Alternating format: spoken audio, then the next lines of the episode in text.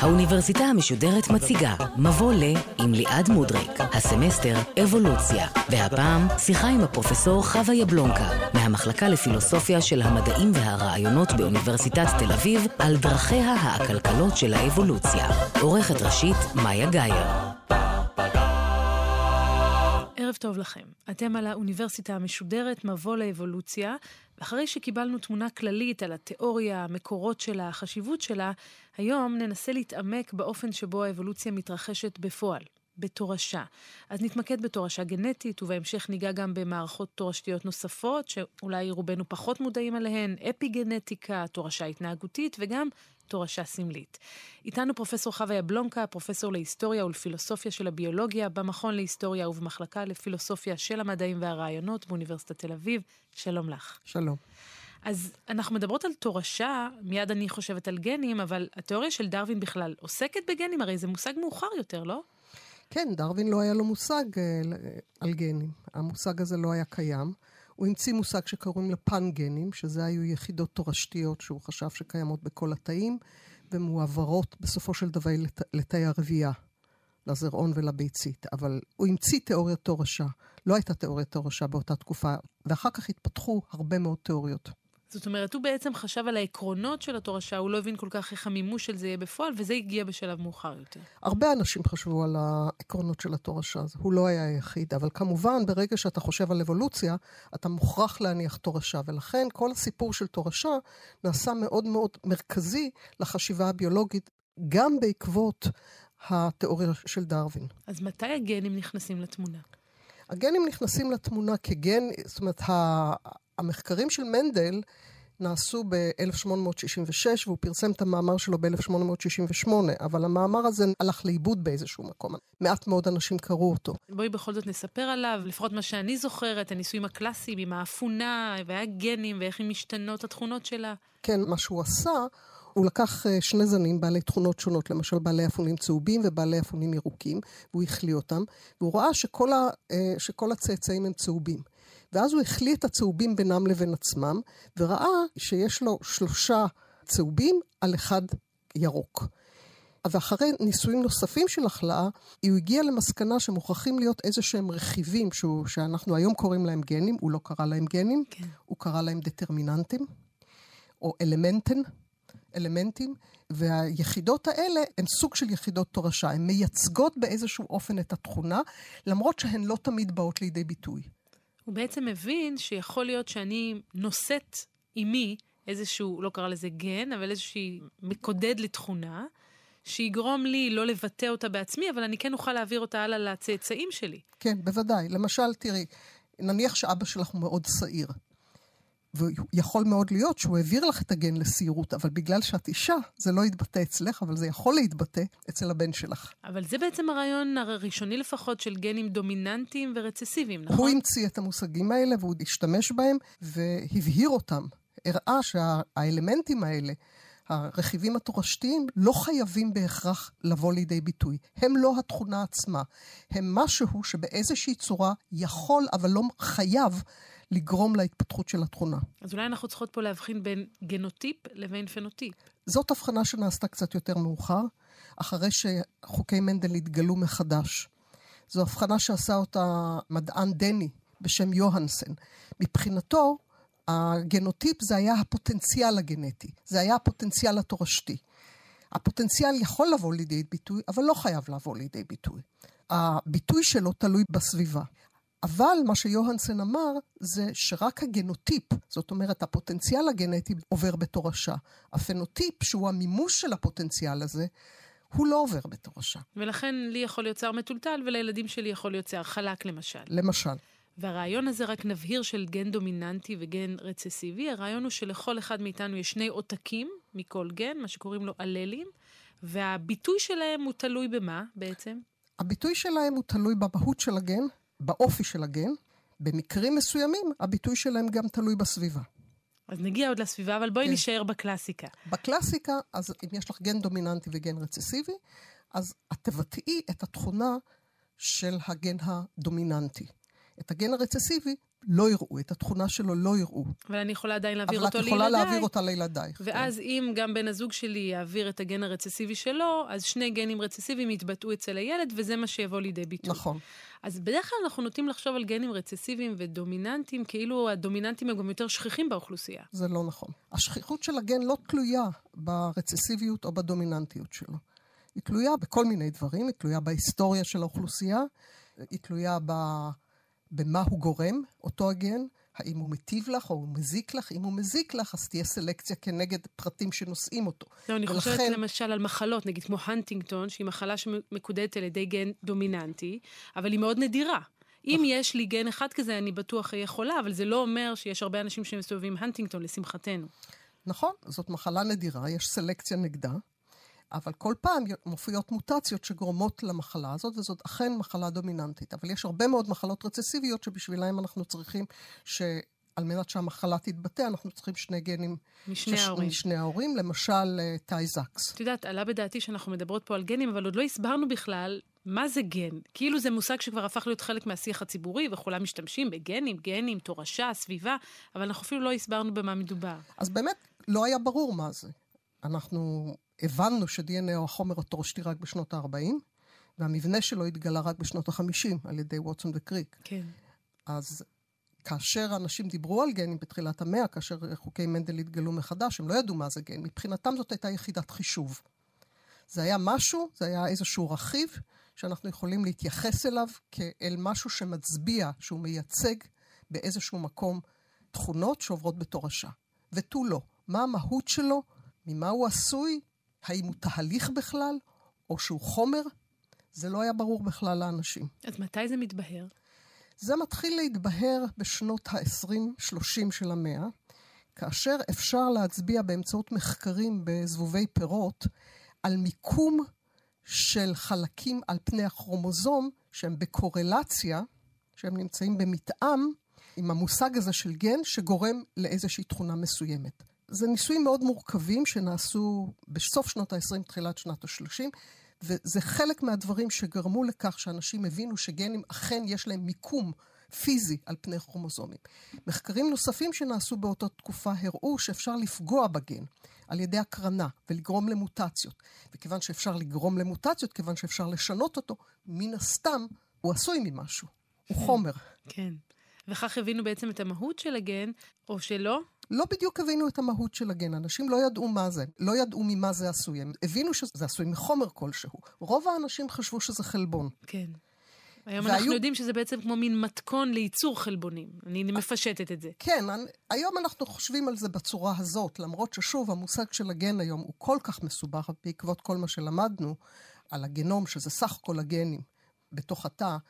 שקשה לנו מאוד מאוד להגדיר מה זה גן. אז אולי אני בכל זאת אבל אבקש ממך, לא הגדרה מדויקת, אבל לטובת מאזיננו, יש כמה מושגים שאנחנו משתמשות בהם ואני רוצה שאני איישר קו. אז דיברת על DNA, דיברת על גן וגנום, דיברנו על חלבונים. אולי רק נעשה סדר ונסביר במה מדובר. אז הגנום הוא מכלול כל הגנים שלנו. נכון. כל גן כזה שנמצא על הכרומוזום, הגנים, ה-DNA שעליו מסודרים הגנים שלנו, בעצם מקופלים בתוך הכרומוזומים.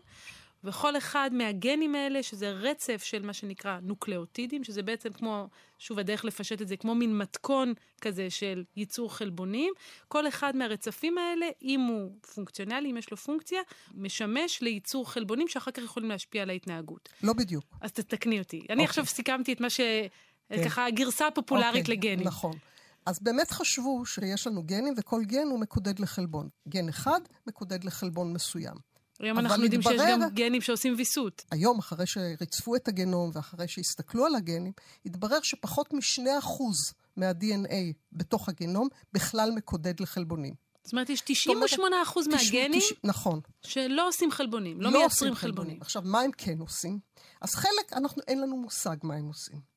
וחלק אנחנו יודעים שהם גורמי בקרה שאומרים כאילו לתא, תעבוד עכשיו כך ותעבוד עכשיו אחרת, תבטא את הגן הזה, אל תבטא את הגן הזה וכולי וכולי. זאת אומרת, הם נותנים פקודות, אבל הם בעצמם לא מייצרים שום חלבונים. שזה אגב מעניין בהקשר של סוציולוגיה או היסטוריה של המדע, כי בהתחלה, כשגילו שמדובר בכל כך מעט גנים שמייצרים חלבונים, לכל שאר החלבונים קראו להם, תקני אותי אם אני טועה, נכון, ג'אנק DNA. נכון. DNA זבל. נכון. וגם היום, דרך אגב, יש אנשים שאומרים שיש חלק גדול מה-DNA שהוא בעצם לא ממלא תפקיד בכלכלה של האורגניזם, אלא הוא קיים מפני שהוא בעצם סוג של DNA אנוכי, הוא פשוט מתרבה, והוא לא יותר מדי מפריע, ולכן אפשר לסבול אותו. אבל את יודעת, שמענו פה בתוכנית הקודמת את רעיון הברירה הטבעית והאדפטציה התאמה. אז אם אני עכשיו צריכה לסחוב עליי 100% גנים, זה לא נשמע סביר מבחינה אבולוציונית ש-98% לא יעשו שום דבר, לא? הם לא תורמים להישרדות שלי, למה שאני אפתח אותם? למה שיישארו אצלי? תראי, אה, זאת גם עובדה שלמעלה מ-90% מהמינים על פני כדור הארץ הם פרזיטים. אנחנו מבינים שהגנום הוא מערכת סופר מורכבת, ולא כל דבר יש לו תפקיד. וגם העניין הזה של ברירה טבעית, ברירה טבעית לטובת מי? לטובת האורגניזם? לטובת הגן? לטובת מי פועלת הברירה הטבעית? אנחנו צריכים לחשוב, כשאנחנו מדברים על ברירה, אנחנו צריכים לאפיין לטובתו של מי הפרירה הזאת עובדת, והיא יכולה לעבוד לטובת הגן, כאשר זה לרעת האורגניזם. זה... זאת אומרת, יכול להיות קונפליקט בין רמת הגן ולרמת האורגניזם. זה הרעיון הזה של הגן האנוכי של דוקינס, שבעצם אנחנו רק עבדים של הגנים שלנו שרוצים להתרבות ואנחנו נושאים אותם? זה חלק מהעניין, זה לא כל העניין. הרעיון של דוקינס הוא בגדול שהדרך הכי טובה להסתכל על אבולוציה זה להסתכל עליה מנקודת המבט של הגן. שגם כאשר הגן לא גורם לזה שהאורגניזם מתרבה, אם הגן בעצמו, הייצוג שלו באוכלוסייה יותר גדול, אז הוא יתרבה באוכלוסייה, נקודה. והשורה התחתונה מבחינת דוקינס היא טובת הגן, ולא טובת האורגניזם. הרבה פעמים זה הולך ביחד, אבל לא בהכרח. מתי זה לא הולך ביחד? למשל, אם יש לך פרט שהוא מאוד מאוד uh, טוב לב, ועוזר לכולם, ומרוב שהוא עוזר לכולם, הוא בעצמו לא מתרבה. עכשיו, יכול להיות שהוא בצורה כזאת עוזר לקבוצה. אבל אם הוא עוזר לקבוצה והוא בעצמו לא מתרבה, אז טובי לב שכמוהו לא יהיו באוכלוסייה. ואז אנחנו יכולים לשאול, איך גנים שגורמים לטוב לב בכל זאת יכולים להישאר? ואז אנחנו אומרים, למרות שהגנים האלה גורמים לזה שהפרט טוב הלב mm. בעצמו לא מתרבה, אימא שלו תתרבה יותר, אחים שלו יתרבו יותר, וכיוון שיש סיכוי שהם גם נושאים את הגן לטוב לב, למרות שהוא אולי לא מתבטא בהם, הגן הזה יתרבה באוכלוסייה. זאת דוגמה. זה מרתק. אז את אומרת, לפעמים יש גנים שאולי תורמים להישרדות המין, ולכן הם... או המשפחה. או המשפחה, ולכן הם ישרדו, אפילו שהאורגניזם עצמו שלו הם שייכים, הוא כנראה לא ישרוד כי הם פוגעים... הם, הוא ישרוד, אבל הוא לא יתרבה. הוא לא יתרבה, פוגעים בפיטנס שלו, מה ששמענו נכון. בשבוע שעבר, בכשירות שלו, בסיכוי שלו נכון, להתרבות. נכון מאוד. ויש גם גנים שבאמת עובדים רק לטובת עצמם. למשל, יש לך מקרים מאוד מיוחדים כאלה של גן, שנגיד יש לך שני גנים שונים, הלל א' והלל ב'. רק נגיד, כל אחד מההללים זה כל אחד מהעותקים האלה כן, של הגן. כל אחד זה מהדורה. בדיוק, אמרנו קודם, לכל גן יש שני עותקים, שני הללים, לפעמים דומיננטי ורצסיבי, לפעמים בכל זאת שניהם דומיננטיים. במקרה הזה, מה שאת אומרת, זה שיש מקרה שמה? מה קורה עם ההללים האלה? הלל אחד הורג את התא שנושא את ההלל השני. ואז כל תאי הרבייה... אוקיי, לא ידעתי שכל זה קורה בגוף שלי. לא בהכרח קורה בגוף שלך, אבל יש גופות שזה קורה בהן. אוקיי. ואז כל תאי הרבייה נושאים רק את הלל נגיד A1, ולא את הלל A2, כי את A2 הלל A1 איכשהו הרג. וואו, טוב, זה כבר, זה מתחיל להישמע כמו טלנובלה ברמת הגנים. ויש... דברים שקספירים לגמרי קורים שם בתוך הגנום. אז זה מעניין, אז כל התחום הזה של ביולוגיה מולקולרית, זה מה שהוא עושה? זה מה שהוא חוקר? ביולוגיה מולקולרית בגדול חוקרת מולקולות, כן? היא חוקרת את הבסיס הביוכימי של התאים ואת יחסי הגומלין שבין התאים ואת התהליכים שמולקולות גדולות כמו חלבונים, כמו חומצות גרעין, כמו סוכרים, משתתפים בהם. זה מה שעושה ביולוגיה מולקולרית. גנטיקה מולקולרית חוקרת באופן ספציפי את התהליכים של עיבוד האינפורמציה מ-DNA דרך שעתוק, שזה יצירה של RNA, דרך תרגום, שזה יצירה של חלבונים, וכל התהליכים שביניהם, ויש תהליכים ביניהם. אז מה חידשה לנו נגיד הביולוגיה המולקולרית לגבי ההבנה של ה-DNA? קודם כל, היא הראתה לנו כמה שזה מורכב. כל העניין הזה שרק 2% למשל מקודדים לחלבון, זה היה שוק. גם זה שאנחנו והבננה חולקים 50% מהגנים שלנו, כן. זה קצת היה שוק. ואנחנו והעכברים, 92% דומים לעכבר. כל הדברים האלה גרמו לשוק די גדול. גם שיעור בצניעות, שזה דבר טוב בסך הכל. שיעור גדול מאוד. אנחנו חשבנו שיש לנו הרבה יותר גנים. מסתבר שאין לנו הרבה גנים. כן. למשל, כמות הגנים שמקודדים לחלבונים זה משהו כמו 25 אלף. זה לא הרבה. כן. אולי אפילו פחות. זאת אומרת, ההבדל בינינו, נגיד, לבין זבוב, מהבחינה הזאת, כן. הוא לא כן. גדול. אז זה דבר שמאוד מאוד הפתיע את האנשים, וזה הבהיר להם שלחשוב על גנים בודדים, זאת לא הרמה שצריך לחשוב עליה. צריך לחשוב על רשתות גנים. Mm.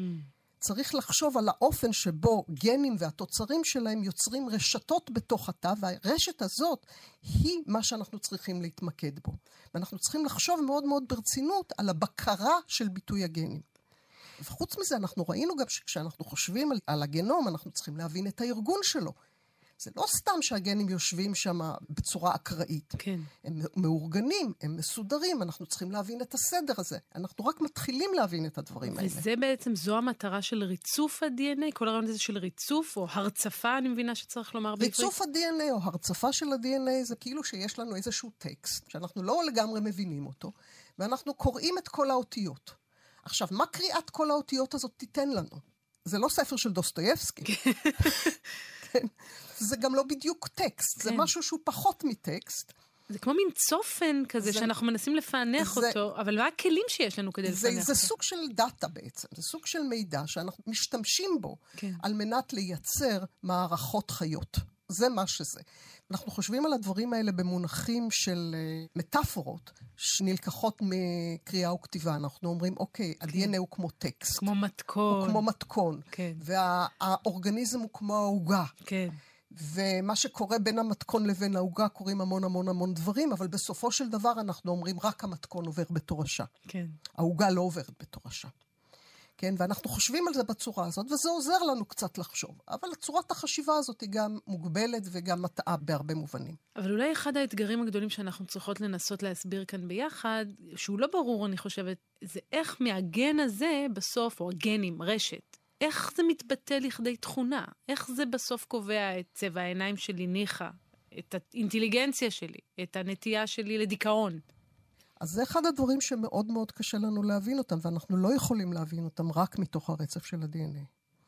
אנחנו חייבים לקחת בחשבון את האופן שבו הרצף הזה מתבטא, את החלבונים שיש, את מה שהגיע אלייך כבר מההורים שלך, וזה לא רק ה-DNA הגיע אלייך מההורים שלך. קיבלת מההורים שלך הרבה יותר מ-DNA. כלומר, את, רגע, צריך להסביר. אנחנו, את קיבלת מההורים שלך כל מיני דברים שיושבים על ה-DNA, את קיבלת מאימא שלך ביצית, mm-hmm. שמלאה כל מיני חומרים אחרים. מה שנקרא DNA מיטוכונדריאלי? חוץ מזה, את מקבלת מאימא שלך את הסביבה הרחמית שלה. את מתפתחת בסביבה מסוימת. אחר כך את נולדת, את מקבלת מהאימא שלך ומהאבא שלך את הסביבה שבה את מתפתחת בכלל. כל כן. הדברים האלה משפיעים על ביטוי הגנים. אנחנו לא יכולים להבין תכונה על ידי זה שאנחנו קוראים את ה-DNA. אבל בואי בכל זאת נלך על ה, רק על הסיפור הקלאסי, הפשוט, של כן DNA, רק שנסביר אותו כדי שנדע אולי איך אחר כך לתקן אותו, של DNA שהופך לחלבון, שהופך לקידוד של תאים. חלק מהמחלות הגנטיות, חלק קטן, כן. נגרם כתוצאה משינוי בגן יחיד. רוב המחלות הגנטיות הן תוצאה של שינוי בהרבה מאוד גנים. אז בואי ניקח מחלה נוראית כמו נגיד Tay-Sachs, כן. או, איזה, או cystic fibrosis, או מחלה מהסוג הזה, וניקח מישהו שהוא הומוזיגוט. Mm-hmm. הומוזיגוט? זאת אומרת למ... שיש לו שני עותקים של הגן הפגוע, כן. ואנחנו נראה מה קורה. אז הוא מייצר, הפרט הזה, הבן אדם הזה מייצר חלבון שהוא פגוע, שלא יכול לעשות את העבודה שלו. כן. לא יכול לקשור כל מיני גורמים שהוא חייב לקשור על מנת שתאים מסוג מסוים, למשל תאי ריאה, יעבדו. אז בסיפור וכת... הזה הגן הוא כמו באמת המתכון, הוא מייצר נכון, חלבון פגום, והחלבון נכון, הפגום הזה גורם... נכון, אבל זה המיעוט של המקרים. בדרך כלל גן יחיד כן. הוא לא מספיק כדי לעשות שינוי כזה. צריך הרבה גנים וצריך סביבה מסוימת שבה הגנים האלה יתבטאו. ולכן אנחנו מסוגלים בהרבה מקרים, על ידי זה שאנחנו משנים את הסביבה, לגרום לזה שמשהו שיכול היה להתפתח למחלה גנטית, אולי לא יתפתח למחלה גנטית. וזאת האינטראקציה או יחסי הגומלין שבין התורשה או בין הגנטיקה שלנו לבין הסביבה בעצם. נכון, וזה תמיד קיים. אין דבר כזה. ה-DNA לבדו זאת מולקולה אינרטית, היא לא עושה כלום. בשביל שהיא תעשה משהו, היא צריכה להיות בתוך תא, והתא הזה צריך להיות בתוך העולם, והעולם כן. הזה צריך להשפיע עליו, והעולם הזה צריך להיות, צריכות להיות לו תכונות מסוימות. בלי זה שום דבר לא יקרה. את יודעת, אולי עוד מושג משמעותי שצריך לקחת אבל בחשבון, וודאי כשאנחנו מדברים על אבולוציה, דיברנו על זה גם בתוכניות הקודמות, זה שינוי גנטי. כי בסופו של דבר, הווריאציות האלה, השינויים, זה מה שמניע בין השאר את ההתפתחות האבולוציונית, וזה קורה מה, בעיקר ברבייה מינית? לא, בחיידקים יש המון המון המון שינויים, ואין להם רבייה מינית. אז בחיידקים זה כל מיני סוגים של מוטציות ב-DNA. כן. על דברים שמחוץ ל-DNA נדבר בהזדמנות אחרת. כן. אבל אם אנחנו מסתכלים על ה-DNA, אז בחיידקים, ביצורים שאין להם רבייה מינית, זה שינויים ב-DNA שאנחנו קוראים להם מוטציות, ויש אוסף גדול מאוד של שינויים כאלה. שבואי רגע באמת נדבר על המושג הזה של מוטציה. זה קורה תמיד במקרה? לפעמים יש גם מוטציות שהן בגלל תנאים סביבתיים. בואי נגדיר בכלל, קודם כל, מהי מוטציה? קודם כל, מוטציה זה שינוי ברצף הבסיסים של ה-DNA, ככה זה מוגדר היום. המוטציה יכולה להיות מוטציה בנוקלאוטיד אחד, זאת אומרת ברכיב אחד כן. ברצף ה-DNA. כן. היא יכולה להיות תוצאה של חסר של חתיכה שלמה של ה-DNA. יכולה להיות תוספת של חתיכה שלמה של ה-DNA. ויכולה יכולה להיות הכפלה של ה-DNA. וחלק גדול מהווריאציות האלה קורות באופן אקראי. במהלך החיים? במהלך החיים. כי שום דבר לא מושלם. כמה שהמערכת של ההכפלה של ה-DNA מצוינת, וכמה שיש מערכות שעובדות כל הזמן לתקן פגמים שנופלים ב-DNA, אין מערכות מושלמות בטבע. אז זה עלה בדעתי שאולי צריך באמת להסביר גם את הרעיון הזה של הכפלת ה-DNA. בעצם אנחנו כל הזמן משכפלים תאים, משכפלים את התאים בכל אחד מהתאים האלה, יש את הכרומוזומים ואת ה-DNA, ואם חלה טעות בשכפול הזה, תיווצר לי מוטציה. נכון.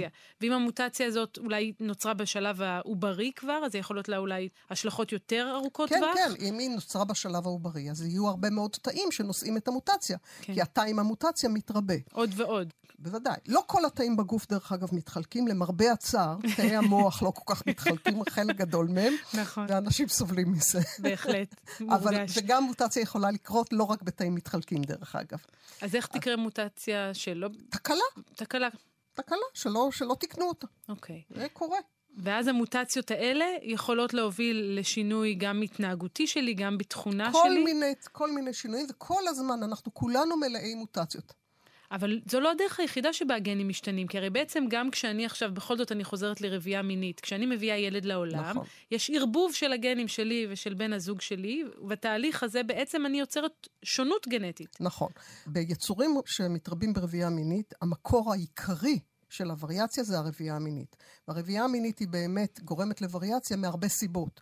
גם מזה שלך יש גנום אחד ולבן זוג שלך יש גנום אחר, ופתאום יש תערובת כזאת של שני גנומים שונים. בעצם רק נסביר, דיברנו קודם על שני האללים, על שני כן. העותקים, אז בעצם כל גן אני מקבלת הלל אחד, עותק אחד מאבא, עותק אחד מאימא. נכון. ואני לא מקבלת, זה לא בא בסט.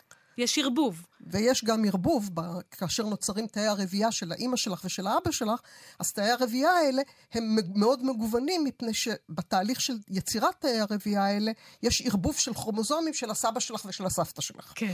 בקיצור, יש לנו המון המון המון וריאציה שנוצרת כתוצאה מהתהליך של הרבייה המינית. והדבר הזה הוא גורם לזה שנולדים שני ילדים בתוך המשפחה, והם בכלל לא דומים אחד לשני, למרות שיש להם אותה אימא ואותו אבא. כל אחד מהם נורא נורא שונה. מבחינה אבולוציונית עבור המין האנושי זה יתרון, שאנחנו כל כך שונים אחד מהשני. זה לא יתרון רק בשבילנו, זה יתרון בכלל. רוב המינים על פני כדור הארץ, הם, אה, יש להם רבייה מינית. הווריאציה הזאת מאפשרת לפרטים באוכלוסייה להתמודד עם העולם. העולם מגוון וגם אנחנו מגוונים. וזה מאפשר לנו להתמודד עם מצבים משתנים, כי אם לא היו, אם לא היה השינוי הגנטי, או השונות הגנטית הזאת, לא היינו יכולים להגיע למצב של ברירה טבעית באיזשהו מקום, כי כולנו היינו נראים אותו דבר, לא? זאת שאלה. אני שואלת. זאת שאלה טובה, וכנראה התשובה עליה היא לא. והתשובה עליה היא לא, מפני שמתברר שהווריאציה הגנטית היא לא המקור היחידי של הווריאציה התורשתית. אם זה היה המקור היחידי, היית צודקת. אבל כיוון שזה לא המקור היחידי, למשל, אם יש לך, יש לך צמחים שמתרבים ברבייה לא מינית, כן. ובכל זאת יש בהם גיוון, וחלק מהגיוון הזה הוא גנטי. אז מאיפה זה בא? זה בא ממקורות אחרים, ממערכות תורשה שהן מערכות אחרות. דיברנו קודם על מוטציות, ויש מושג שנקרא מוטציות פרשניות, נכון? לא כל המוטציות הן לגמרי אקראיות. אנחנו טבענו את המושג של מוטציות פרשניות, למשל, אנחנו יודעים שיש אזורים מסוימים בתוך הגנום שהם מועדים למוטציות, שבהם תדירות המוטציה היא מאוד מאוד מאוד מאוד גבוהה. כן. למשל, מוטציות של עמידות לרעל של נחשים אצל כל מיני יצורים, הגנים שמקודדים להם הם בעלי אפשרות למוטציה מאוד גבוהה, וגם הגנים של הנחשים שמקודדים לרעל הם בעלי תדירות מוטציה גבוהה. ויש לנו כאן מלחמת התשה בין הנחש, בין הרעל כן. ובין האנטי-רעל. האבולוציה גורמת לזה שתדירות המוטציה במקרים של אינטראקציה מהסוג הזה תהיה גבוהה, דווקא באזורים האלה בגנום. אבל האקראיות משחקת בו תפקיד משמעותי. תמיד האקראיות משחקת בכל דבר תפקיד משמעותי. אבל המושג של אקראיות הוא לא אבסולוטי. זאת אומרת, יש לנו אקראיות, אבל עם הטיה קלה. שהטיה נובעת מ? מסלקציה, מאבולוציה. מהברירה הטבעית. כן. והמושג של תורשה רכה משתלב בתוך המארג המסובך הזה? תורשה רכה זה מושג שאומר שחלק מהווריאציות התורשתיות הן תוצאה של ההיסטוריה ההתפתחותית של האורגניזם או של ההורים שלו, או תוצאה של איזה שהם תהליכים פנימיים בתוך האורגניזם. הרעיון שיש תורשה רכה היה מאוד מקובל בשליש האחרון של המאה ה-19, חלק מהמאה ה-20, והוא ירד מן הפרק לתקופה מסוימת. ונחשב למינות מוחלטת כי... במשך הרבה מאוד זמן, כי אין לו רשע של תכונות נרכשות, מעבירים תכונות רק ב-DNA, וכל הווריאציות ב-DNA הן אקראיות מבחינת הפונקציה שלהן. בעצם זה הרעיון המקורי של למרק שהוכה, לא? שאפשר להוריש גם תכונות נרכשות. כן, זה לא רק למרק, גם דרווין היה למרקיסט. זאת אומרת, אם את מסתכלת על אנשים במאה ה-19, ברובם, לא כולם, היו שני יוצאים מן הכלל אה, בולטים, אבל דרווין לא היה אחד מהם, דרווין האמין בהורשה של תכונות נרכשות. גם תיאוריית התורשה שלו מבוססת על ההנחה שדבר כזה קיים. ואז שוב הרעיון הוכה, ואז את אומרת שוב חזר ושוב הוכה, ועכשיו הוא בעניין? ועכשיו, ועכשיו אנחנו הרבה יותר מפוקחים, אנחנו יודעים שגם זה קורה. אנחנו, גם זה קיים. אנחנו נדבר על זה בתוכנית הבאה בעוד שבוע, כי באמת, לפחות לפי איך שמלמדים אותנו בבתי הספר על תורשה, הרעיון הזה של להוריש תכונות נרכשות נשמע כמעט אבסורדי. זה באמת נשמע אבסורדי, ואם את נותנת את הדוגמאות הנכונות, זה אכן אבסורדי. אבל זה באמת תופעה שקיימת, ושאפשר לתת הרבה מאוד דוגמאות לדברים האלה, וזה דבר שנחקר היום בצורה מאוד אינטנסיבית. כך שאנחנו נמצאים היום במקום אחר ממה שהיינו לפני, נגיד, אפילו לפני 30 שנה. אז נשמור את המאזינים שלנו במתח. המצטיינים שיגיעו גם בשבוע הבא יזכו להבין איך אפשר להוריש תכונות נרכשות, ולא רק תכונות מולדות. נדבר גם על זה וגם על מערכות תורשה אחרות. אבל בשלב הזה אנחנו נפרדות. אני רוצה מאוד להודות לך, פרופ' חוויה בלונקה. תודה רבה. ניפגש בשבוע הבא. להתראות.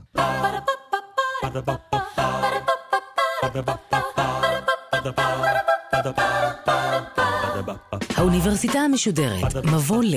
ליעד מודריק שוחחה עם הפרופסור חווה יבלונקה מהמחלקה לפילוסופיה של המדעים והרעיונות באוניברסיטת תל אביב, על דרכיה העקלקלות של האבולוציה. עורכת ראשית, מאיה גאייר. עורכות ומפיקות, נעמי קנטור יצחייק ונועם גולדברג. האוניברסיטה המשודרת, בכל זמן שתרצו, באתר וביישומון גלי צה"ל ובדף הפייסבוק של האוניברסיטה המשודרת.